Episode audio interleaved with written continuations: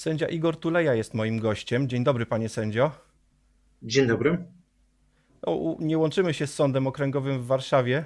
Pan sędzia też w stroju domowym, bo e, z powodu decyzji Izby Dyscyplinarnej e, sprzed już dłuższego czasu pan sędzia jest e, zawieszony w obowiązkach służbowych. Prezes Sądu Okręgowego, sędzia Piotr Schab, wykonał to zarządzenie. Niedawno, niedawno byliśmy znowu w Izbie Dyscyplinarnej, która miała decydować w sprawie zgody na zatrzymanie i doprowadzenie pana sędziego do prokuratury, by tam go przesłuchać i przedstawić mu zarzuty, ale ta sama Izba Dyscyplinarna, choć w innym składzie, e, pana Adama Rocha, tym razem zgody nie udzieliła, uznając, że nie ma prawdopodobieństwa, iż pan sędzia dopuścił się przestępstwa, podczas gdy ta sama Izba, gdy uchylała immunitet, to takie prawdopodobieństwo widziała.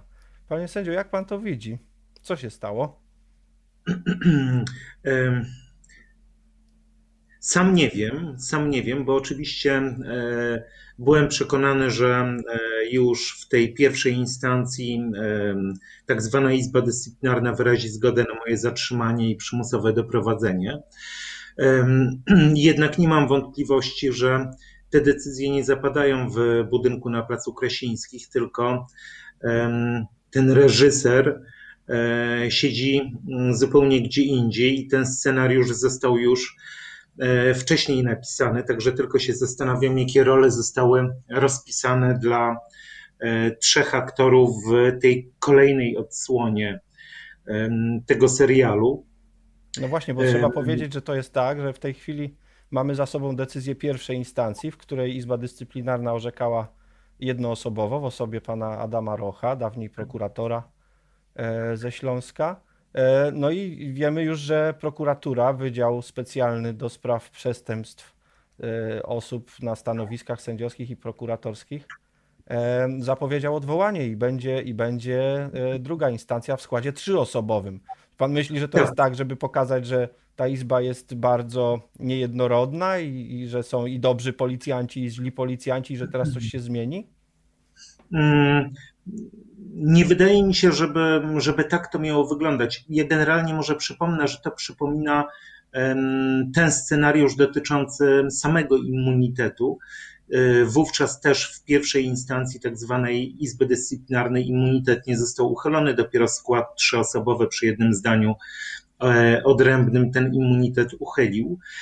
No oczywiście można snuć rozmaite e, teorie i w rozmaity sposób próbować to wyjaśnić. Ta najbliższa, jest najbliższa?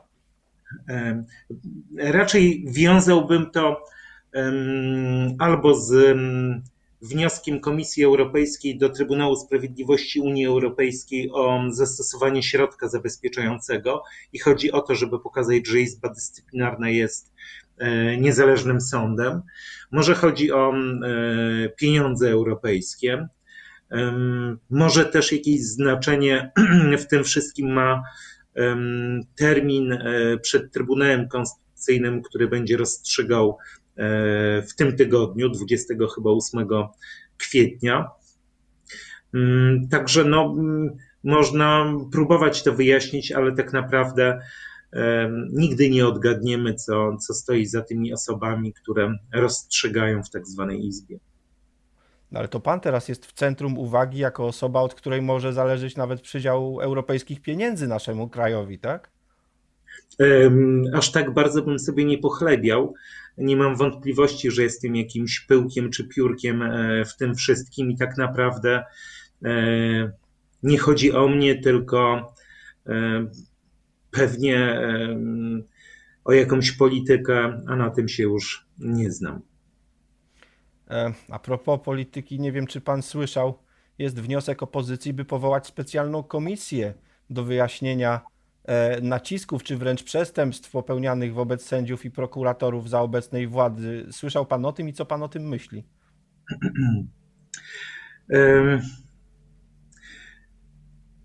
Pewnie, pewnie taka jest rola opozycji, żeby kontrolować rządzących, natomiast nie przypuszczam, żeby tutaj coś odkrywczego się pojawiło, bo e, o tym, co się dzieje w wymiarze sprawiedliwości, jakie są naciski na e, sądownictwo, no to wszyscy dobrze wiemy, to się nie, nie wydarzyło wczoraj, tylko to trwa szósty rok. Stowarzyszenia sędziowskie, adwokaci alarmują i próbują pokazać no, to, co się dzieje z sędziami i sądami.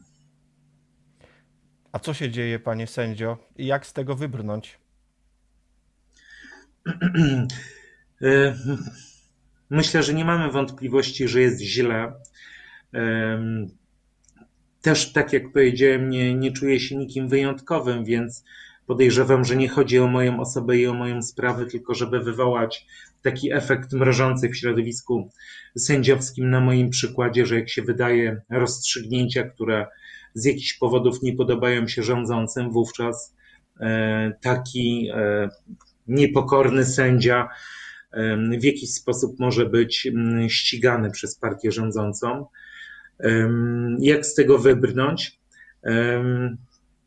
No na pewno trzeba rozmawiać, a przede wszystkim e, rządzący powinni wycofać się z tego, co nazywają reformą wymiaru sprawiedliwości, a wcale taką reformą nie jest, tylko po prostu próbą podporządkowania trzeciej władzy e, politykom. Panie sędzio, no tylko to jest chyba kłopot większy niż nam się wszystkim wydaje, bo e, jak wycofać się z czegoś, co już się wykonało, mam na myśli tak wiele nominacji sędziowskich do wszystkich szczebli sądów, od, sto, od Sądu Najwyższego do sądów rejonowych. E, te nominacje zostały najpierw wyłonione e, w ramach postępowań przed Krajową Radą Sądownictwa obecną, potem pan prezydent te nominacje wręczył, potem ci sędziowie wydali już, myślę, że w tysiące idą te orzeczenia, które zapadły z ich udziałem. No, no i co z tym zrobić? To tego ma nie być? Oczywiście prawnicy mają różne pomysły. Moje Stowarzyszenie Justicja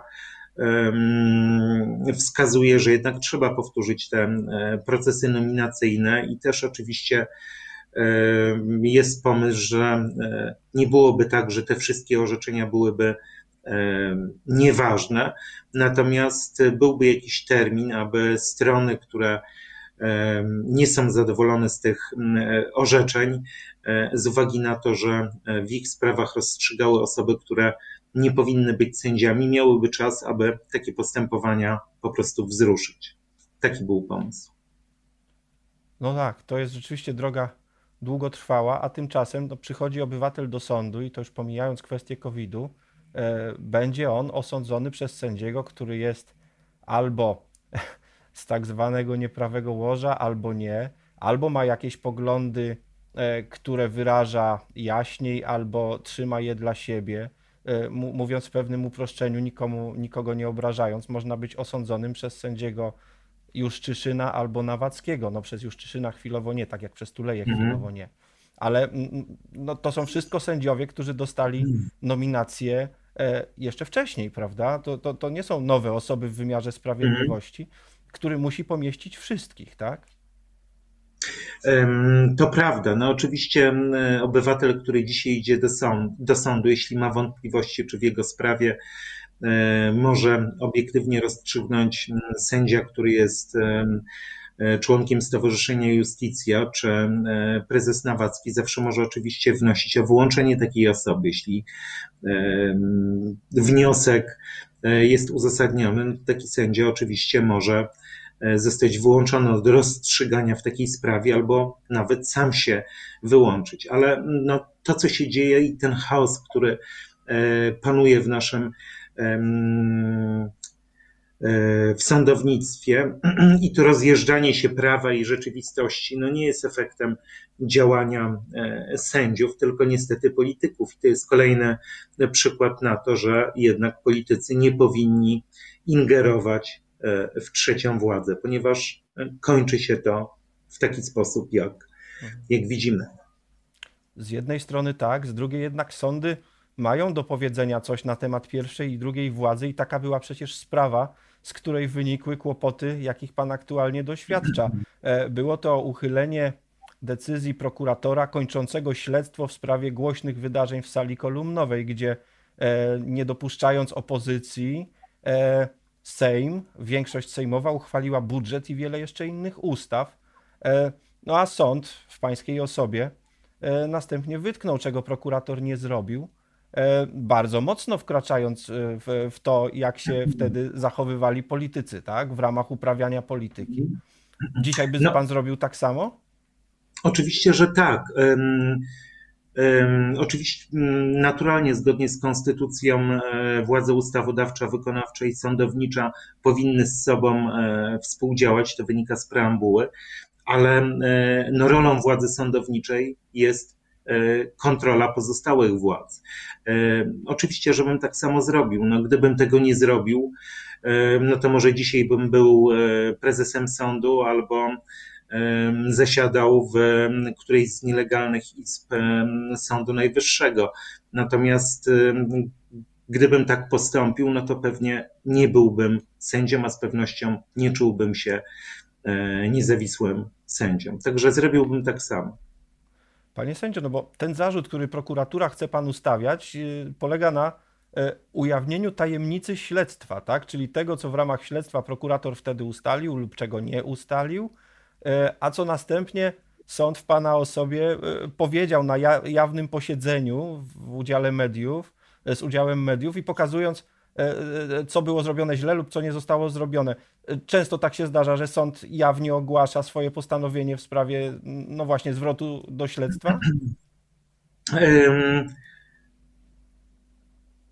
Pewnie tak. Do, e, myślę, że taka praktyka do tej pory jest, e, funkcjonuje w moim, w moim sądzie.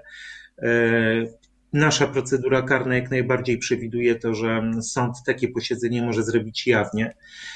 Ja zresztą przed podjęciem tej decyzji zapytałem się również stron, jakie jest ich stanowisko. Pani prokurator, która prowadziła to śledztwo i była obecna na posiedzeniu, nie oponowała, ale też właśnie jak się okazało w tych materiałach sprawy, która toczy się przeciwko mnie i o czym powiedział pan Adam Roch, jest istotny dowód, o którym ja nie wiedziałem.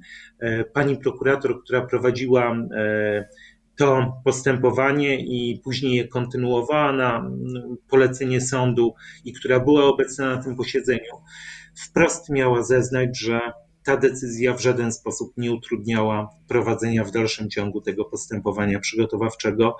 E, myślę, że to jest istotny dowód, o którym rządzący nie wspominają, również prokuratura krajowa o tym w swoich komunikatach przynajmniej do tej pory nie wspominała. Czyli gospodarz śledztwa uważa, że postępowaniu nic nie zaszkodziło, ale specjalny wydział w prokuraturze jest odmiennego zdania i śledztwo kontynuuje, mimo takiego określenia ze strony, ze, ze strony osoby oddalającej jej wniosek, tak? Tak, no i jest dokładnie tak. Także to jest um, też taka dziwna sytuacja. No i też um, pani prokurator, o której mówimy, nie jest ścigana przez Wydział Spraw Wewnętrznych Prokuratury Krajowej, tylko też e, po tych kilku postępowaniach.